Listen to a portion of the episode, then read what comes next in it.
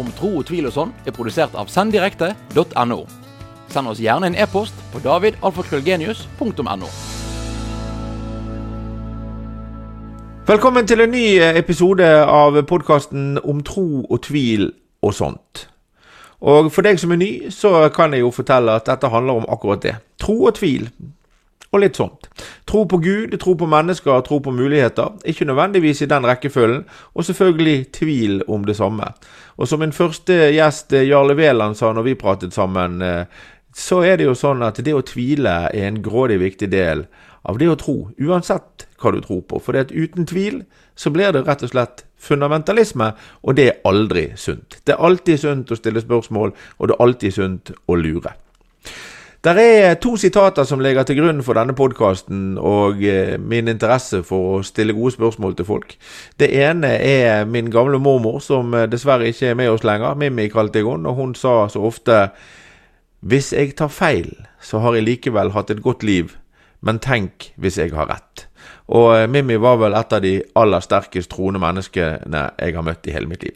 Det andre sitatet som er vel så interessant det er og, og nyttig og viktig, det er Henry Ford som sa om du tror du kan, eller om du tror du ikke kan, så har du rett. Og felles for alle de menneskene som jeg har pratet med hittil og hatt som gjester i denne podkasten, er jo at på en eller annen måte så har de trodd at de har kunnet gjøre noe som de har trodd var mulig.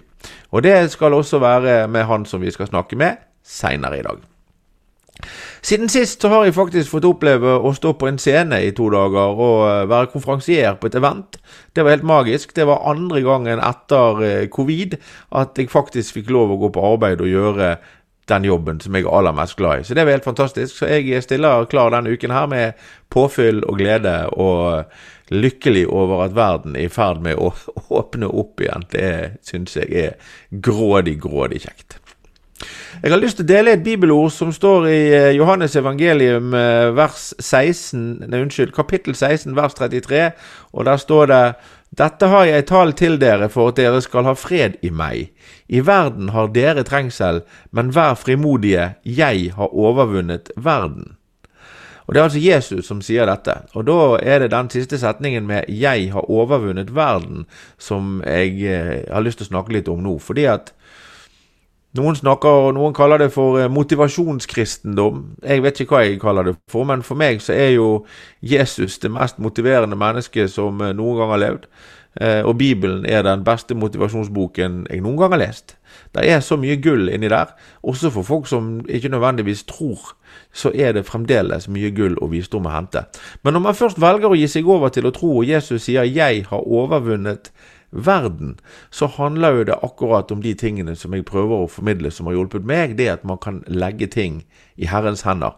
Det at jeg kan gjøre noe med dagen i dag. Jeg kan ikke gjøre noe med dagen i går, og jeg kan ikke gjøre noe med dagen i morgen. Men jeg kan legge det i Herrens hender og håpe og tro at det løser seg på beste måte. Samtidig som jeg er forpliktet til å gjøre det beste ut av enhver situasjon som jeg kan. Når jeg begynte min reise i min egen tro, så noe av det første jeg begynte med, det var å be Fader vår. Og nøkkelsetningen i Fader vår eh, i denne sammenhengen er 'Gi oss i dag vårt daglige brød'. Og googler vi det, så eh, finner vi eh, masse bilder av brød og masse omtaler om mat og hvor viktig det er å spise hver dag osv. Men for meg så den viktigste delen av den setningen er 'gi oss i dag'. For det handler altså om brødet jeg skal spise i dag. Hvis jeg kaster vekk dagen i dag på å bekymre meg over om hvorvidt jeg har brød i morgen eller ei, så kaster jeg vekk en dag. Men hvis jeg passer på å spise det brødet som jeg har i dag, gjør det beste ut av dagen i dag, så er det mye mulig at det også blir en god dag i morgen. Men det er faktisk ikke opp til meg. For jeg har ikke krav på morgendagen. Men jeg kan håpe at den kommer, og så kan jeg sette meg opp på best mulig måte til at den skal bli så god som den kan bli. Men jeg må legge det i Herrens hender. Og da er det jo greit å legge det i noens hender som sier at 'jeg har overvunnet verden'. En som er større enn verden, og større enn livet, og større enn alt. Hver uke så pleier vi å ha konkurranse. Og eh, vi pleier da å ha et kunnskapsspørsmål, gjerne relatert til Bibelen. Og eh, for deg som ser på, så kan jeg da vise premien. Det er en eh, kaffekopp, eller en åh, Jeg får kjeft av det der hver gang. Det er et krus med logoen til eh, Om tro og tvil og sånt. Og for deg som ikke ser, men hører, så kan jeg fortelle deg at krus er veldig fint. Og eh, svarer du rett på ukens spørsmål, så er du altså med i trekningen av eh, et sånt krus. Forrige uke så spurte vi hva Kristus betyr. Hva betyr Kristus? Og det betyr den salvede. Og det var en herremann ved navn Ole-Viggo Lysen som svarte rett på det, og har vunnet en kopp. Så Ole-Viggo, kopp, krus, kall det hva du vil, blir overlevert deg ved første anledning. Og da, litt inspirert av Ole-Viggo og det jeg vet om han, så stiller jeg ukens spørsmål og sier hva het han som var disippel både hos døperen Johannes og hos Jesus. Hva het altså den disippelen som var både hos døperen Johannes og hos Jesus?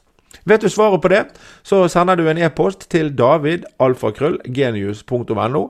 Den e-postadressen er lett. Det er navnet mitt. davidalfakrøllgenius.no. Hver uke så eh, leser vi også et utdrag fra og prater litt om noe som står i Salomos ordspråk. Og i dag så har det jeg har plukket fra Salomos ordspråk, det henger litt sammen med det som jeg snakket om i sted, som var hentet fra Johannes evangelium. For i Salomos ordspråk kapittel 13 vers 4 så står det Den late krever og får ikke noe, men den flittige får sine ønsker oppfylt. Uten handling skjer ingenting, står det altså på veggen bak meg. Den flittige får sine ønsker eh, oppfylt. Vi kan altså snakke så mye vi bare orker om alt vi skal og vil, og vi kan tenke på det, og vi kan planlegge, og vi kan fortelle, og vi kan alt mulig sånn, men hvis ikke vi gjør det, hvis ikke vi er flittige og gjør det vi skal gjøre, så skjer det jo altså faktisk absolutt ingenting. Den flittige får sine ønsker oppfylt. Stikkord er altså du må gjøre. Du må gjøre det du sier du skal gjøre for at du skal oppnå det du ønsker å oppnå. Mye visdom i Salomos ordspråk. Og da er vi altså kommet frem til ukens gjest.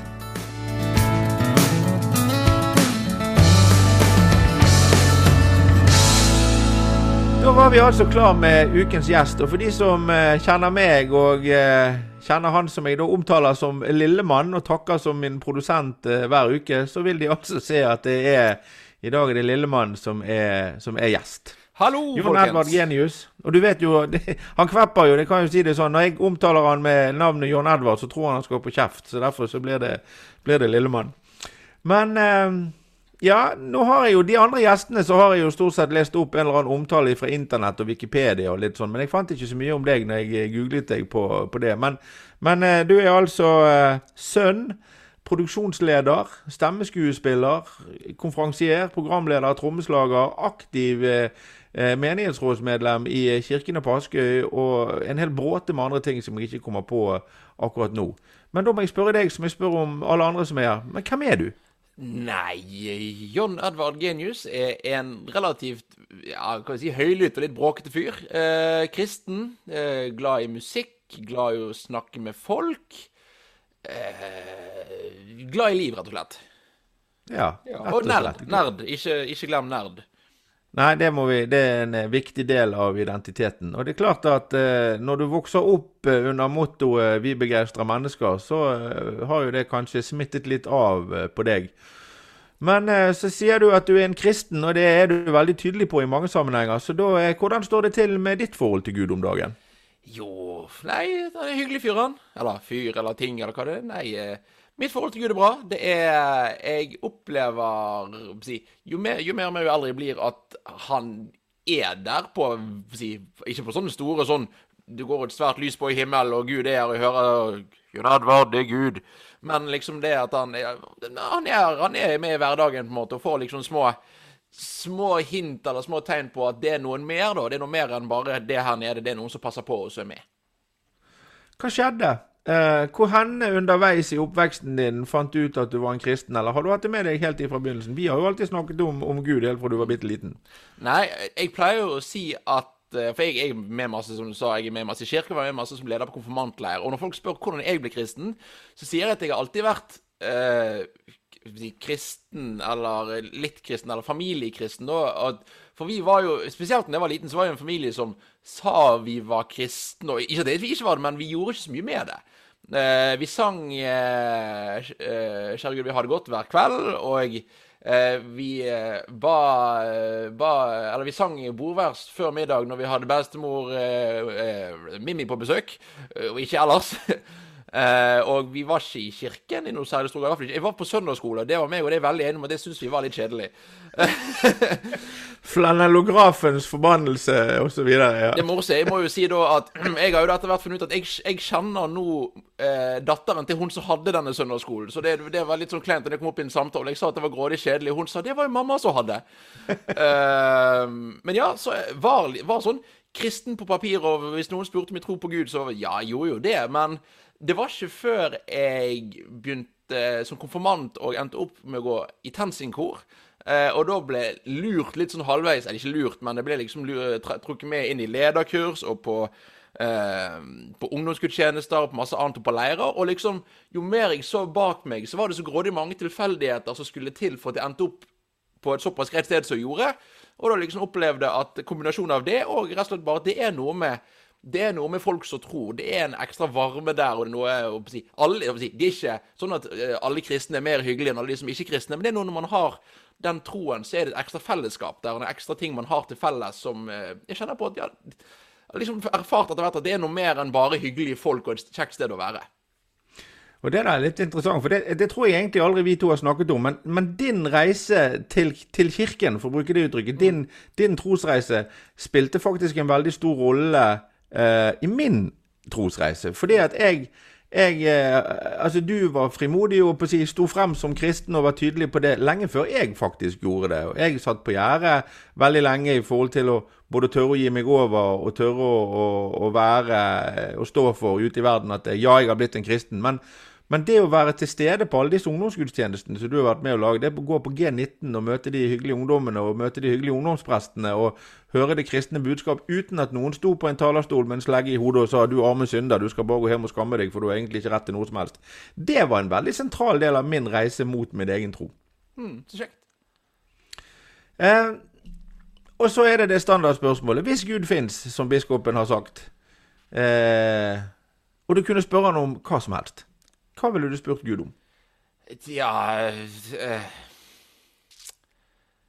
uh, Et godt spørsmål, for jeg, jeg er jo faktisk Jeg anser meg sjøl som grådig hellig, akkurat for jeg har ikke så mye sånn rundt Gud som jeg lurer på. Uh, jeg har en haug med ting jeg ikke vet. La, la meg være klar på det. det, det. det, er ikke at jeg tror at jeg har forstått alt sammen, men jeg har liksom en av de tingene jeg har lært lærte ganske kjapt, er at jeg kommer ikke til å lære alt. Så jeg har liksom ikke jeg har ikke noe stort å lure på. Jeg har liksom ganske mye som jeg ikke vet, så jeg har bare innsett at det kommer ikke jeg til å vite her nede uansett.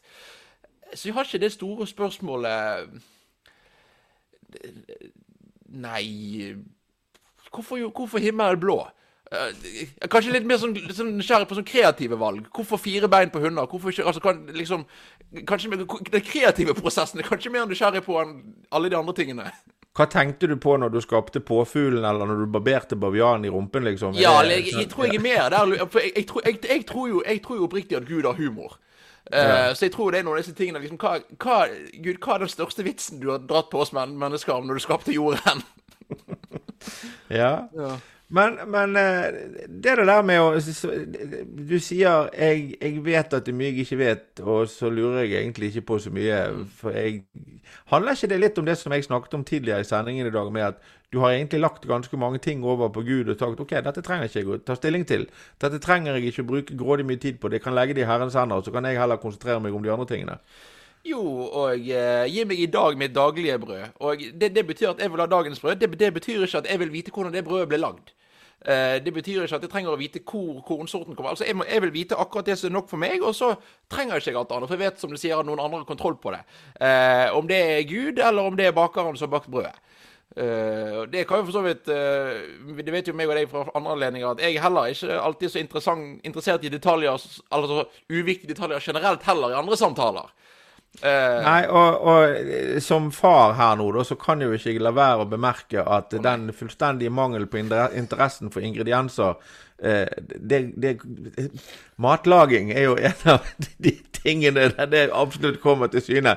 Du er en hund og lager tomatsuppe, og det er vel stort sett det, tror jeg. Ja, nå kjenner jeg jo Nå, nå blir jo jeg tatt, eh, tatt her med at uh, vår far nevner brød. Hadde han snakket noe annet liksom, gi, gi, meg i dag mitt daglige vet ikke jeg, fotokamera, eller så hadde det gått greit. Men det, siden det er brød, så går, rykker jeg på den, ja. Det er helt rett. Men eh, for å være litt alvorlig, eh, og til den jevne lytter, så, så, er det bare å si det at dette er verken innøvd eller regissert eller planlagt. Og, og Lillemann aner ikke hva spørsmålet jeg har forberedt. Og på lik linje med andre gjester så har hele poenget vært at vi skal ha en god samtale. Mm. Men det jeg har lyst til å snakke med deg om og, og spørre deg om, det er jo, som både de fleste vet, og som du og meg er veldig klar over, så arbeider vi to altså veldig tett sammen. Eh, og Noen ganger så sier jeg til folk at litt sånn på fleip at det dummeste du gjør, det er å oppdra dine barn til å ha sin egen fri vilje. Eh, og så ler vi litt.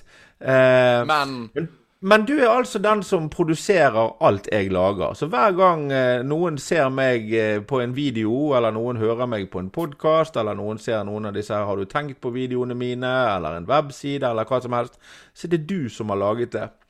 Eh, hvordan er det å ha regi på sin egen far? Uh, det, har, det, har, jo vært en prosess. Uh, for nå er det altså Nå de siste ett-to årene så har det gått mye i uh, video. Det har vært, Spesielt etter korona så har det jo vært digitale foredrag. Det har vært uh, podkasten, selvfølgelig, og sånt. Og det har Men da var jeg på en måte blitt ganske vant til det, så det da har gått veldig greit. Altså, i dag er det en veldig behagelig prosess, syns jeg. Fordi at eh, vi kan være såpass ærlige med hverandre. Altså, og, fordi vi er far og sønn, så snakker vi veldig samme språk og skjønner hverandre som oftest. Og når vi ikke skjønner hverandre, så kan vi til og med si at vi ikke skjønner hverandre, og på en måte fikse det. Eh, men det har jo vært en reise. Jeg husker eh, eh dette, Hvor lenge er dette siden? Når, når du skrev din første e-bok i Tyskland Dette er, mm. Når er vi da? 2017? 2018? Ja, noe sånt. Ja, da husker jeg det var For da liksom, da var vi da var, vi, eh, da var jeg fortsatt assistent og produsent, men da var det mer sånn OK, du gir meg noe, og jeg legger det ut. Det var ikke så mye med de kreative nødvendigvis. Fordi jeg var igjen, det er jo Da tre-fire år siden. Det var jo tre-fire år yngre og tre-fire år mindre erfaren. Uh, men da husker jeg det var litt det der Når jeg sitter og leser jeg satt og leser noen setninger, og jeg skjønte ikke hva det var du mente. Jeg syntes ikke vi fram noe bra, poenget ditt noe bra. Og det å da skulle si det Du, pappa, eh, jeg, jeg tror dette kan skrives bedre. Eller jeg syns dette, dette poenget kan omformuleres. Så det liksom uh, den prosessen hvor da du som, som, far, egentlig mer enn sjef, litt sånn her hva, hva, er det Hvorfor mener du noe om dette? Du, du, hva, du din lille drittunge, på en måte. Og det, og det, er jo helt rett på mange måter, for du er jo eh, Dette trenger ikke å si så, så mye, men du er jo dobbelt så gammel som meg. og vel så det. Ja, og vel så det. Men, ja, men ikke, ikke, så mye mer nå lenger, faktisk. Nei, det er jo sant. Ja. Eh, men og, det, og da, den prosessen da, da være Eh, du har ikke bare dobbelt så gammel, men har da gjerne mer enn dobbelt så mye erfaring. For jeg har jo mesteparten av livet, i hvert fall en stund, var jo da skole for min del. Eh, mens du har jo jobbet siden du var tja, to. Nei, litt mer enn det, men eh, du eh, Og da liksom skulle da klare å bygge opp nok, eh, nok skal vi si, eh, tankekraft til å si at nei, vet du hva, jeg tror at jeg har rett her, og jeg tror at det du har gjort og det du har bestemt, er feil. Eller ikke feil, men det å, det å tørre å involvere seg i en kreativ prosess og være uenig, har jo vært noe som eh, har, vi har måttet lære oss at det går an. Ja, for vi er, jo, vi er, jo, begge to utstyrt med det som din stemor og min kone har, har døpt til geniustryne. Mm. Eh, det betyr jo at eh, når vi, er, når vi, er, lett irritert, så ser vi rasende ut. Og når vi er rasende, så ser vi ut som vi har lyst til å drepe noen. Ja. Eh, men vi trenger ikke være irriterte engang. Vi er egentlig bare litt undrende. Så mm. ser vi ut som vi er potte sure. og det er jo en veldig tilvenning for meg å være i andre enden av meg sjøl, føler jeg noen ganger, når jeg mm. møter på geniustrynet ditt. Mm. Men, men allikevel. Eh, du har jo en egentlig ganske stor hånd på rattet når det gjelder de tingene som, eh, som, vi skaper. Hva tenker du i forhold til det der med motivasjon og det å begeistre mennesker, og, og hva vei det skal gå? Det er jo eh, så, Bare si det sånn før du går videre. bare, jeg synes det var litt morsomt. Vi har også hatt noen møter hvor vi er sånn kreative. Jeg husker blant annet før når vi, når vi jobbet på Kjempegøy Sartor. Eh, da hadde vi en del møter. Vi hadde et sånn aktivitetssenter på, eh, aktivitetsland på et kjøpesenter. Og det var da meg og deg og to-tre til i disse planleggingsmøtene en gang i uken, en gang i måneden, eller hva det var. Og da var det en del, da var det mye kreativt arbeid. og Hvordan kan vi løse dette? Hva trekker folk? Og der var vi mye uenige, men òg mye fruktbart. Og da husker jeg at da var vi litt engasjerte, og de andre i møtet kom litt etterpå. 'Går det bra med dere?' Ja, ja, det var jo kjempespennende møte. Det var jo gjort masse. Og, for, for, vi syns Det er jo en greie meg og det, vi syns det er kjekt å diskutere. Ja, ja. ja det, det, det er ikke det alltid andre syns. Og da liksom når, når vi har hatt en kjekk diskusjon og kom fram til noe bra, og liksom de andre sånn eh, hva Går det bra med dere? Ja, ja, kjempebra! liksom da, Og da geniustryner. Så det er, jo, det er jo en interessant ting å noen ganger være en del av, og noen ganger høre hvordan det ses utenifra. Mm. Mm. Men ja, motivasjon eh, Nei, det er jo eh, Jeg blir ofte motivert av å se hva jeg gjør. Eh, det er jo, Da syns jeg egentlig veldig greit å jobbe med det vi gjør nå. Vi gjør video, vi gjør ja, mye video og sånn, men det, jeg liker veldig å, å, gjøre noe og se at det blir til. Eh, det kan òg være på event. Eh, du fortalte jo at du var konferansier på event forrige uke, og jeg var jo med som tekniker på dette eventet. Og det å se at noe du sitter og jobber med i en uke, en måned, noen ganger et år, kan bli mer og mer eh, satt ut i livet, det er på en måte meg nok motivasjon. Så jeg får så mye glede av det jeg gjør, at det motiverer meg til å jobbe videre.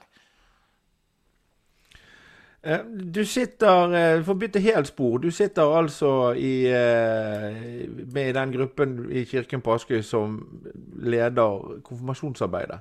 Det mm. betyr at du har tilgang til tenåringer på et nivå som veldig mange ikke har. Du får prate ærlig med tenåringer. Dere er på leirer sammen. Dere har ting som heter Grillen kristen. Dere svarer på spørsmål, og, og, dere snakker om alt mulig. Hvordan merker du forskjell på de som nå er ti år yngre enn deg, i forhold til de tingene de lurer på, og de har et forhold til når det gjelder tro og livet, enn når du var på den alderen? Ja, altså, det merker definitivt forskjell, eh, i hvert fall på meg og de andre. Men det var fordi jeg var jo, jeg var jo ganske sær og veldig stille som, på den tiden. på en måte, Så jeg har jo eh, vokst opp. Men det, den største forskjellen tror jeg på en måte at det er mye lettere å angripe folk i den alderen nå enn før. Ikke, altså, ikke jeg gjør det, men av, av verden generelt. Eh, for, for, ti år siden da var jeg vel akkurat kommet på Facebook, og eh, det var fortsatt mange voksne som mente at dette Facebook-tullet var ikke så nyttig. Det var i hvert fall ikke noe man brukte flittig. Eh, og Snapchat det var i hvert fall ikke noe som voksne brukte. Det var liksom Ungdommene hadde på en måte det digitale som sin egen verden. Mens nå er det sånn at fordi Og vi er digitale, i hvert fall nå 24-7. Og nå har på en måte alle gått inn i den digitale verden, som på mange måter var ungdommens verden. Så jeg opplever at de på mange måter uh, virker som at de kan tas mye oftere, eller ferskes, eller undersøkes. om det gjelder at foreldrene kan se hvor de er via Snap, Snapchat-kart, eller at de alltid kan få en melding av noen, eller at de de alltid er tilgjengelige, og, eh, og siden de da ofte er Da er de yngst på den plattformen, så de er ofte tilgjengelige på andres premisser. Uh, og de får beskjed om at de må følge disse og disse reglene, og de må gjøre dette og dette. og Det er jo på en, måte, på en måte noen samfunnsregler vi alltid har hatt, men at fordi at nå er de på sosiale medier, som alle er på, så er det så mye mer synlig hvis de ikke følger disse reglene. Så det er på en måte de er mer tilgjengelige, rett og slett. Ja, Hvis vi drar en parallell til Bibelen her, da. Mm. For det er en av de tingene som jeg, jeg blir mer og mer bevisst på, som jeg prater med folk om i forhold til dette med å finne tro, er jo at der står, jeg vet ikke hvor mange ganger i Det nye testamentet, altså i evangeliet, når de forteller om Jesus, så står det stadig vekk han gikk bort for å be. Mm. Altså Det å be det var noe han gjorde for seg sjøl. Han gikk inn i sitt lønnkammer, står det noen steder, og han gikk bort. Og disiplene gikk og lette etter ham. Hvor var han? Jo, han var og ba. sant? Og han, han forsvant når han var tolv år gammel. Så ble han igjen i tempelet når Josef og Maria reiste hjem igjen etter påske. Og, så han, han, han oppsøkte altså solitude, som det heter på engelsk, altså ensomhet, for å være aleine med Gud. Eh, og i dag så er det jo ikke altså Nå er jeg ikke noen om lenger, det er for så vidt ikke du heller, i hvert fall i tenåring. Ung voksen.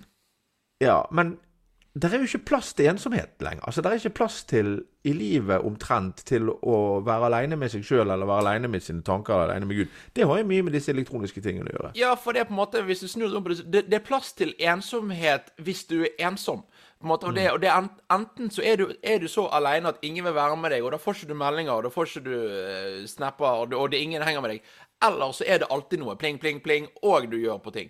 Altså, Bare en sånn ting som at lærere kan, selge, kan sende elever meldinger på It's Learning til alle døgnets tider. Og man får ikke alltid alle varslene, men man liksom alltid husker ja, men jeg må sjekke om jeg har fått en melding fra læreren i kveld før vi får på skolen i morgen. Bare det er jo en ting som Jeg måtte ikke tenke på det når jeg var eh, Når jeg gikk på ungdomsskole. i hvert fall. Eller det begynte kanskje å komme akkurat da. Og det er jo ting som i hvert fall aldri var en ting før. Eh, og det er en av de tingene som jeg får lov å være med på når vi er på disse leirene, konfirmasjonsleirer og lederkursleirer, er da at du får ungdommer som første dagen bor liksom nede i telefonen og er veldig hyggelig, men det er veldig tydelig alltid har med seg eh, kanskje telefonen som en støtte, rett og slett. Et sted å på en måte å Eller du har den, for du vet du- greit å ha den. Kanskje du snakker med mamma eller du snakker med venner og sånt. Og så kommer du til dag tre eller dag fire og siste dag på leir, og så har de glemt telefonen sin på rommet. Fordi man oppdager det når man er på leir sammen, når man bor sammen 20, 30, 40, 50, 60 stykker liksom, Oi, det er så kjekt å bare være med folk. Eh, at Da trenger ikke man den. Fordi at jeg tror jo òg at selv om eh, jeg sier at man kan ofte bli tatt på sosiale medier, at man blir ofte man blir kontaktet, òg, og man bruker, man bruker sosiale medier som en måte å nå ut til folk, og en måte å føle at man ikke er aleine. Eh, Ja, det har jo jeg eh, merket som forelder. For når du var, når du var eh, 12-13-14 år gammel, så satt du mye alene på rommet og holdt på å putle med forskjellige ting, og, og nerdet, hadde jeg nær sagt. Og du laget videoer, og du spilte, og det var mye greier. Eh, og da husker jeg, da var, da var jeg litt bekymret, fordi at du hadde ikke noe så særlig kontakt med noen. Eh, Men så har du en lillebror. Han også sitter mye foran dataskjermen på rommet og nerder og holder på med forskjellige ting og spiller og sånn. Men han er jo i kontakt med hele verden. Han snakker med folk i Amerika, og i Tyskland, og i Spania, og i Oslo, og i Bergen og alle veier. Eh, men han er fremdeles innmurt på gutterommet med en skjerm, liksom. Så det har jo forandret seg enormt, det der eh, muligheten for å være sosial på rommet. absolutt. Eh, nytt tema. Du er altså aktiv i kirken. Du sitter i menighetsrådet i Erdal kirke som ungdomsrepresentant. Eh, hvor er motsetningen i kirken i dag mellom de unge og de eldre? Uh, de unge ser Og da hvis jeg, nå går vi Når de sier unge, så mener jeg under 20. Når, når du er over 20, da eh, Eller kan dele inn i tre områder. da Kanskje unge, middels og så eldre. Eller ung, voksen og eldre. For det er en måte jeg ser på det som tre forskjellige ting. Eller tre forskjellige faser, i hvert fall i kirkelivet. da hvor du har de unge fra du er barn til konfirmert og videre. Da, måte, da kommer du innom kirken av og til. Og da er kirken Kirken er et bygg. Eh, kirken er et sted med noen hyggelige mennesker. Eh, kanskje du hører til, kanskje ikke gjør det. Men kirken er ikke Den norske kirke. Kirken er ikke NLM. Kirken er ikke Salt. Eh, det er på en måte Kirken er et sted hvor det er noen kristne folk som er hyggelige, og du kan være og Noen ganger går du der for å lære, og noen ganger går du der for å synge. Eh, men det er på en måte Det er ikke en organisasjon, hvis du skjønner. Veld, ve Veldig mye for unge så eh, De skjønner ikke dette, som jeg egentlig syns er positiv ting.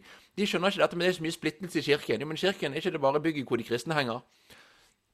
Eh, som jeg på en måte syns er veldig positiv ting, for de ser på kirken som et sted hvor kristne møtes. Og det er jo det kirken skal være, men jo eldre man blir, så er jo det mye mer enn det på godt og vondt. Kanskje dessverre mest vondt. Eh, for da når du, når du innser at kirken er ikke bare et bygg, det er en organisasjon med mange meninger og med mye Som alle andre, alle andre organisasjoner, med mye indre konflikter og mye sånn, så ender man opp med at når man da blir ung voksen og man blir student, at man, så flytter man et sted. Og så begynner man plutselig å velge sine egne kirker. Eh, da begynner man å velge om man går i jeg har vært eh, i det siste vært en del med St. Jakob, vært litt der, og det finnes Salt, og det finnes igjen Den norske kirke, bedehus rundt om. At man, man kjenner, folk kjenner på at jeg må ut av den store kirken, den norske kirke, og inn i noe mindre, kanskje. Eh, St. Jakobs jeg går er en del av den norske kirke, for så vidt. Eh, eh, men det, så blir man liksom ung voksen og voksen og kjenner på at man får litt den rebellfasen som, som barn ofte får mot foreldre. Eh, virker det som, i hvert fall det jeg har observert. At man får liksom at Nei, dere, dere er for store, for, dere er for store, og dere, jeg er uenig med dere av en eller annen grunn, så jeg går her. Om det har med teologiske ting å gjøre, eller om det har med at gudstjenesten er for tidlig på søndager, eller om det har med Jeg er ikke er fan av orgelmusikk, så er liksom Veldig mange finner en grunn til å dra et nytt sted, da. Uh, og jeg skal si for min del, jeg er en av de som er veldig glad i Den norske kirke. Og jeg går ikke på elvegudstjenestene så mye fordi det treffer ikke meg, men jeg er veldig glad, og jeg ønsker å være Den norske kirke. Eh, Så har liksom da ungdommer hvor man, man er i kirken som er bygg, og så innser man at å ja, folk mener mye rart, og så drar man som eh, som ung voksen. Og så, som du sier, vi skal ta den skal vi kalle det, det eldre-delen, da. Eh, når man da lander på en måte igjen. Og det er veldig fascinerende å se at man, det er veldig mange som lander i Den norske kirke til slutt. eh, virker det sånn. Eller ikke veldig mange, men i hvert fall de som Når man er eldre, så lander man på en måte kommer litt tilbake til der man kom fra, da. Eh, og der virker det som på en måte man Man er ikke nødvendigvis enig med alt som skjer der, selv om man eh, lander der, men liksom, det virker som at man har de eldre som har liksom sagt ja, dette er kirke, og det er fint, og det er kjekt. Og du har de yngre som sier ja, dette er kirke, dette, dette, dette er greit nok, eller dette er hyggelig, eller dette må jeg gjennom. Og så har du den midtfasen hvor det er grådig mye eh, krangling og uenighet. Kanskje med seg sjøl, kanskje med kirken, kanskje med folkene i kirken. Så det er litt sånn interessant å se at på en måte begynnelsen og slutten kan minne veldig om hverandre. Og så er det den voksendelen i midten hvor man rett og slett bare ikke blir truffet. Det høres ut som livet. Men, men der er likevel Jeg vet ikke om Kanskje det har noe med det å gjøre at folk kommer tilbake til kirken, som du sier, i godt voksen alder, vært ute og prøvd litt, eh, eh, erfart litt, levd litt. Eh, og så ser de på disse ungdommene som har all verdens gode ideer. Eh, til endringer, til forandringer, til ny liturgi, til eh, å løse opp rockerolle litt grann på gudstjenester og sånn. Og så, så har du de da de eldre som du sier som har kommet tilbake for å søke det trygge og det trauste, og de liker ikke dette i det hele tatt. Det er jo en litt sånn spenningsmotsetning i forhold til generasjoner. Og det er jo litt interessant, for nå har vi da vært i en haug med konfirmasjoner. disse her. Vi har streamet konfirmasjoner eh, rundt opp, si, i hele Vestland nesten, kan man si. Eller i hvert fall hele bergensområdet. Eh, og det er jo veldig fascinerende, for da har du en haug med konfirmanter. Du har ungdomsledere. Og så har du, typ, så har du prester og de som jobber der. Og så har du ofte de frivillige menigheten som er sånn si, nærmer seg pensjonsalder ofte, mange av de da. Så har du ofte en mor her og en far der. Men det er, det er veldig sjelden de mellom 30 og 50 eh, har en plass der hvis ikke de er far til en konfirmant. Eller mot en konfirmant. Hvor man da liksom, når du har ungdomslederne som er der på frivillig basis, og du har de, eldre, altså de de frivillige eldre som er der på frivillig basis, og så har du er det liksom, det er et hopp der hvor både de yngre og de eldre har lyst til å være der, men hvor de voksne er der litt fordi at ja, vi må på en måte, fordi at det er kjekt å være i konfirmasjonen, men ikke, men de har ikke plassen sin i kirken. Hva skal til for, tror du, for at eh, de mellom 30 og 50 skal finne til kirken på en annen måte enn de gjør i dag? Nei, du, det er jo, jeg er jo ikke mellom 30 og 50, så jeg vet for så vidt ikke. Jeg eh, Altså, det, det standardsvaret er at man må finne en aktivitet som passer for dem. Men voksne folk går jo ikke så mye på aktiviteter lenger. Det er ikke sånn at man liksom kan Altså, det De får, de får noen sånne der eh, aktivitetsdempere i livet veldig ofte som kalles barn. Ja, og det er jo for så vidt hva jeg sier, at da blir man ofte lurt med igjen i kirken fordi man har babysang, eller fordi man har eh, barne- og så tårnagenter, og så blir det konfirmanter og fredagsklubb og sånt. Men jeg vet ikke hva som trekker voksne i kirken for deres del, eller 30-50. Du er jo litt over den målgruppen. Hva tror du?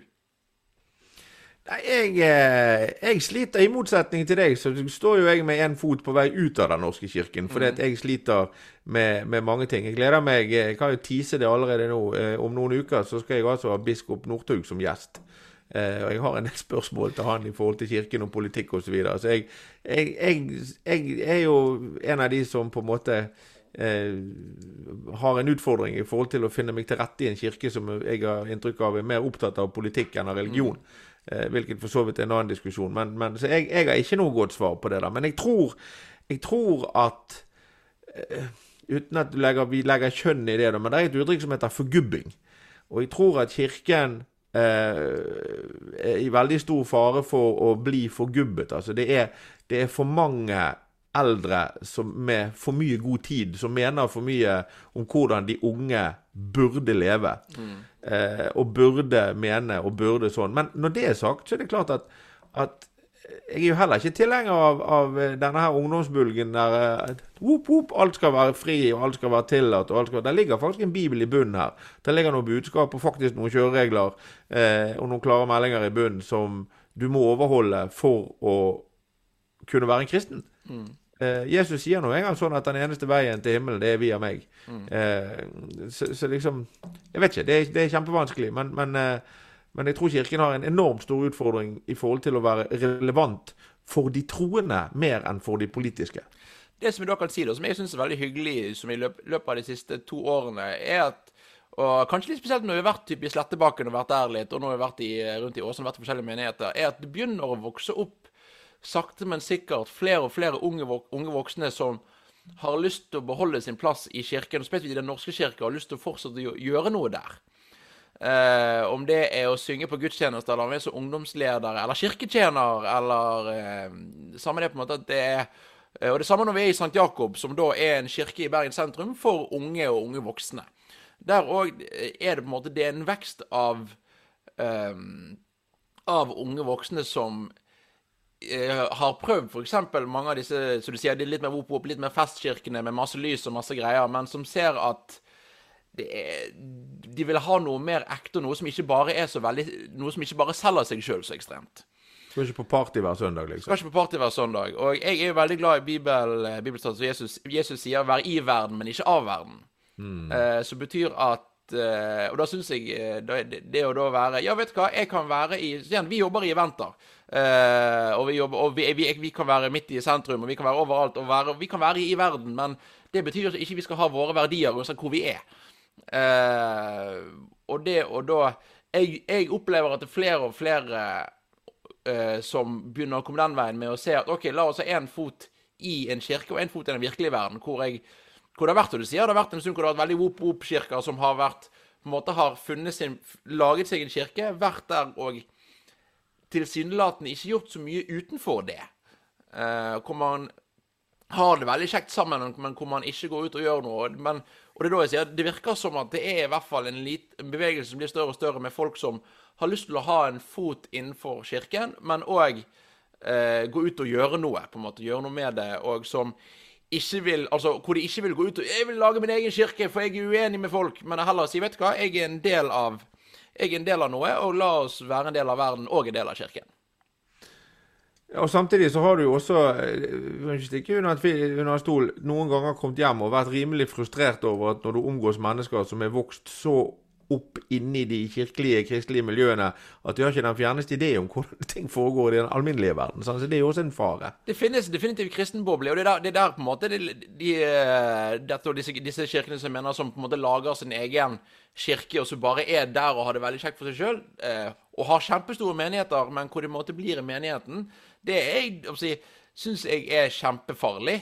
Eh, der har jeg sikkert venner som blir fornærmet av å høre det, men jeg jeg er på det generelle imot at kristne skal ha sine egne ting, hvis du skjønner. altså, For det finnes kristenskoler, kristenbarnehager, kristen Alt mulig. Eh, jeg er enig, enig f.eks. kirka skal ha eh, og kristne skal ha aktiviteter med en kristen profil, men når man sier at nei, jeg går her for jeg er kristen, og da må jeg ligges inne i dette, dette rommet for å beskytte oss fra verden rundt, det tror jeg litt, Det er litt sånn som uh, hvis, man blir, uh, hvis man ikke blir utsatt for sykdom, så bygger man ikke opp immunforsvar. Jeg tror det samme òg stemmer for tro. Hvis ikke du blir utsatt for en verden rundt som er kritisk til troen din, så, eh, så, så, så blir troen din faktisk i, eh, i, til slutt svekket. Jeg, det, der, det der er, er interessant. Tidenes beste selger, sannsynligvis tidenes aller aller beste selger ever, han het Paulus. Mm. Eh, og, og, han gjorde jo akkurat det. Sant? Hvis Paulus bare hadde, når han ble omvendt eh, Hvis han bare da hadde omgått de kristne, kun bare vært med de som var aller mest troende, så hadde kristendommen fremdeles bare vært en bitte liten sekt som var eh, plassert i området mellom Damaskus og Jerusalem. Men nettopp han gjorde akkurat det som du sier. Han reiste ut i verden, han utsatte seg for verden. Han pratet og prediket evangeliet overalt der han var, men han levde blant menneskene eh, og prøvde å få menneskene til å leve livene, livene sine i en kristen kontekst. Mm. Og forstå at kristendommen er en del av livet. Hvordan eh, er dette noe som man snakker om på ungdomssamlinger også? Altså, går man inn på Paulus, går man inn på på det som står i Bibelen, tekster osv., eller er det litt mer sånn, er man forsiktig med å snakke om de alvorlige tingene? Nei, man er ikke forsiktig, men man tar det til rett tid. Eh, du nevnte annet at vi har Grilling kristen-samlinger, så vi har mye på leirer, og så vi òg har da en gang i halvåret eller året som et åpent arrangement i kirken på Askøy eh, for ungdom, da. Eller alle er velkommen. Eh, og det er da rett og slett man har Man kan sende inn spørsmål, og det gjør ungdommer og folk. Sender inn masse spørsmål om alt innenfor tro. Eh, det kan være ting du ikke skjønner, ting du er uenig i, osv. Og, eh, og der til ofte vanskelige spørsmål. For vi, igjen, når du er ungdom, vi snakker om 14-15-16-årsalderen, så er det faktisk veldig lite de egentlig vet om Bibelen. Eh, jeg merker at det er mindre og mindre fokus på skolen, virker det som, til å lære hva Bibelen faktisk handler om, hva, hva som står der. så det er på en måte Vi, vi, vi begynner med hvem er Jesus, og må og bare det å fortelle hvem Jesus er, og gi han nok kontekst, tar faktisk ganske mye tid. Eh, I hvert fall når du La oss være ærlig, snakker til konfirmanter som ikke alltid egentlig er, er i modus til å høre etter. Eh, men så tar vi da, når vi har tar vi, Når vi blir litt mer kjent med dem, så tar vi disse spørsmålene om eh, hva som er greit, hva som ikke er greit. Vi snakker om ting som f.eks. sex for ekteskap. Vi snakker om homofili. Vi snakker om de, de spørsmålene som vi vet de har, og som vi gjerne vi må gi dem en arena å spørre om, heller at vi skal begynne å predike det på dem. Eh, og det er for så vidt det. Noe jeg mener er at det har vært en kultur til tider i kirken om å løpe ut og si hva som Altså, når vi setter temaet eh, seksualitet, så det, begynner det ofte med at vi løper ut og sier det Bibelen mener, istedenfor å begynne med å tenke på hvor, hvor de som hører på, er. Eh, og hva de lurer på, på en måte. Fordi at jeg mener at eh, altså Bibelen er relativt tydelig på ting både innenfor seksualitet og, alt dette. Men det er jo ikke det Bibelen handler om. Det betyr at vi kan gå inn på det etter hvert, men det er ikke der vi må begynne. Uh, jeg føler, jeg, jeg, tror det er mange i verden i dag som vet mye mer om hva Bibelen og hva kristne eller kirken mener om homofili og seksualitet, enn om de mener om kjærlighet og medmenneskelighet. Uh, fordi at det er såpass Én, uh, fordi at det er så mange utenfor som syns det er så greit å angripe, angripe kristne fordi at det står i Bibelen. Og to, fordi at mange kristne og kirker har da kommet i forsvarsmodus og begynner nesten ofte sånne samtaler med å si hva som står der, på en måte fare for å, fordi at de vet at det blir nevnt uansett. Eh, så vi, jo da, vi, vi, snakker om det, men vi, vi, vi, løper ikke ut med det først og fremst. Men når de spør, så svarer vi, og vi, har, vi prøver å legge opp til at det er naturlig for de å spørre, og da svarer vi med det som står i Bibelen. Eh, samtidig så vi er klar på at eh, folk mener forskjellig, og det òg er helt lov. Ja, og så er det jo da tilbake igjen til, som vi har snakket om i mange andre settinger, hva er det egentlig som står i Bibelen, på hvilket språk og i hvilken oversettelse, og osv., osv. Det er jo altfor langt å gå inn på her, men, men, det er også en interessant eh, tilnærming til det. Absolutt. Jeg vil spørre deg om noe helt annet igjen. Eh, for det at eh, de som ser og hører på oss nå, far og sønn jobber sammen, eh, produserer sammen, lager sammen osv. Og, så og du spiller trommer, og det gjør jeg, og, og, vi er veldig like. Noen påstår til og med av utseendet at vi er ganske like. Mm. Ikke det at jeg skjønner det. Men så er det skjedd en ting. Du har skapt deg en karriere helt på siden av det som vi driver med. Eh, du er altså en eh, fremgangsrik stemmeskuespiller. For de som ikke vet det, så spiller du altså både i eh, stemmer i TV-reklamer på TV 2, du er i Pokémon-film, du er i fjernsynsserier på NRK osv. Mye annet. Og dette er altså noe som jeg ikke har hatt en bitte liten flik av en lillefinger med i, i, i det hele tatt å hjelpe deg med. hva som hva trodde du på når du begynte med dette? for å si det på den måten? For det, dette har du bare gjort. Og dette, dette, går under kategorien hvis du får ha noe andre ikke har, så må du være villig til å gjøre noe andre ikke gjør. Mm. Du er altså en av eh, ja, Du spiller jo i førstedivisjon nå. Hvordan har den reisen vært? Ja, det har, eh, det har vært en artig reise. Det, det er jeg har aldri liksom sittet og hatt på den følelsen av For det, det, er noen som Hvis du hører, hører, med folk som er sangere, eller folk som skriver ting, så at man, man liksom har et budskap man forteller, eller man har noe man vil dele. Og jeg har på en måte aldri liksom følt akkurat på den, med at åh, jeg har et talent jeg vil dele. Eh, jeg tror jo at jeg får det, jeg får, får det til ganske greit etter hvert, men jeg, liksom, jeg har bare hatt så lyst til å gjøre det, og liksom, jeg har vært jeg har syntes den prosessen, og spesielt den dubbeprosessen som jeg er mest som jeg er mest fan av, det syns jeg har vært så spennende. Og det begynner jo liksom at jeg husker å se på sånn eh, Disney-tegnefilmer når jeg er liten, og så begynner jeg å kjenne igjen stemmer. Og kjenner igjen at OK, eh, Aladdin i den tegneserien er samme som Pokémon-fortelleren, som òg er Svampebob. som også liksom det. Og så ser du navn i rulleteksten, og liksom det der. Så du begynner du med å innse at dette er ikke karakterer på en TV-skjerm. Dette er det noen som gjør. Dette er noen som får betalt. Altså, dette er det noe noen lever av. Um, og den fascinasjonen med For jeg har, det vet du, helt siden jeg var liten, jeg var alltid, alltid glad i å leke med leker og liksom sette meg inn i historier. Jeg har jo til og med da et bitte lite lokomotiv Thomas her. bare for sånn eh, på en måte, til det, for Jeg har alltid vært glad i på en måte å sette meg inn i historier som jeg kjenner fra før. Og jeg har ikke vært så veldig interessert i å fortelle egne historier, men jeg har alltid helt fra jeg var liten likt å liksom sette meg inn i historien og være en del av historien og leke og være litt skuespiller her og der. Og da liksom fant ut ja, men det å være dubba spesifikt, det er jo bare å få lov å leke med andres leker.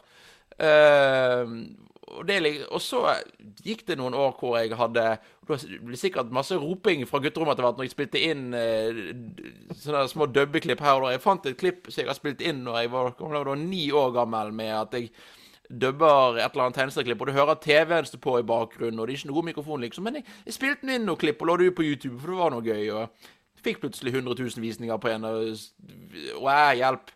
Men eh, begynte liksom å spille inn og skjønte, vet du hva Eh, og der kommer jeg tilbake til det jeg snakket om eh, med motivasjon. med at det, var så kjekt. Og da ok, jeg spilte inn, og så så jeg på det. Og så var det stemmen min som kom ut av den karakteren. Og bare det seg sjøl var så gøy. Eh, og det å da jobbe med det og, og liksom klare å spisse seg inn til en annen Til en annen til, til, en rolle, da. Det er litt det samme som at jeg er veldig glad i å spille trommer, som du sa, men jeg, jeg, vil spille i coverband. For jeg har ikke behov for å skrive egne låter. Jeg syns det er dritgøy å ha en låt og gjøre min versjon av den.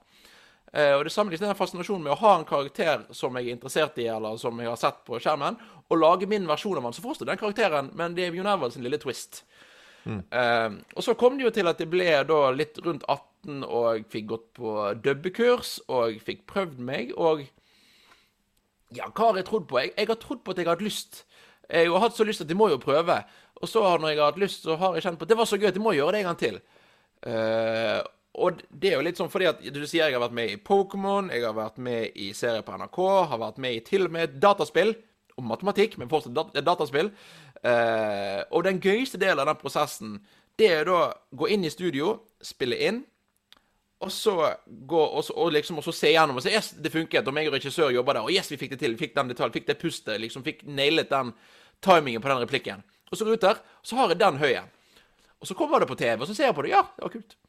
Men det var liksom Det er den prosessen det, jeg, tror, jeg, tror, på at jeg får til å være i den prosessen, og jeg syns den prosessen i seg sjøl er så gøy at liksom, det er derfor jeg gjør det. Fordi jeg, jeg syns det er gøy å leke med andres leker, rett og slett. Det er jo egentlig konklusjonen. Så det Så hvis eh, Jon Elvar kommer i nærheten av deg, så pass på lekene dine. Det er Ja, pass på stemmen din, for plutselig har jeg etterlignet den. Ja, sant. Eh, veldig spennende. Det, det, der er jo som sagt Hvis du vil ha noe andre ikke har, så må du gjøre noe andre ikke gjør. Og uten handling så hadde det ikke skjedd noen ting. Uten at du satte i gang og trodde på at det var mulig, så hadde det overhodet ikke skjedd noe. Vi kunne ha sittet her i dagevis og holdt på, men vi skal forbarme oss over de som eh, har en travel dag og som lytter på dette. Jeg syns det har vært en grådig spennende samtale.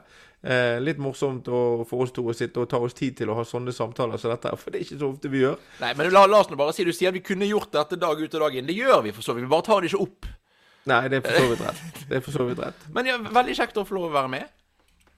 Og så uh, har vi ikke avklart gjesten til neste uke, men det skal vi komme tilbake til. Tusen takk til uh, Lillemann, Jan Edvard, både for at du var gjest, og for at det er du som produserer. Så nå er det liksom, hadde vi hatt sånn behind the scenes-kamera her nå, så sitter du både og knotter og ratter, og du prater, og du er gjest, og du må tenke, og, og liksom Så, ja. Multitasking. Jeg, jeg, jeg, tror og håper det har gått bra. Så, så, når våre koner påstår at ikke vi kan gjøre flere ting på en gang, så har vi bevis på at det er faktisk ikke riktig. Men så lenge, så lenge det er en skjerm på den, så går det greit. Da kan du gjøre flere ting. Men ikke det skjerm, da Nei. da er det glemmesak. Ja. ja, veldig bra. Ok, folkens. Hvis dere har innspill eller kommentarer, hvis dere har forslag til gjester, hvis dere har svar på konkurransen, hvis det er noe som helst tilbakemeldinger, så er det davidalfakrøllgenius.no som er e-postadressen. Hvis du har lyst på litt eh, påfyll og lese blogger og, og sånn, så er det www.david.genius.no. Der kan du også både kjøpe boken 52, du kan laste ned e-boken som vi snakket om eh, tidligere.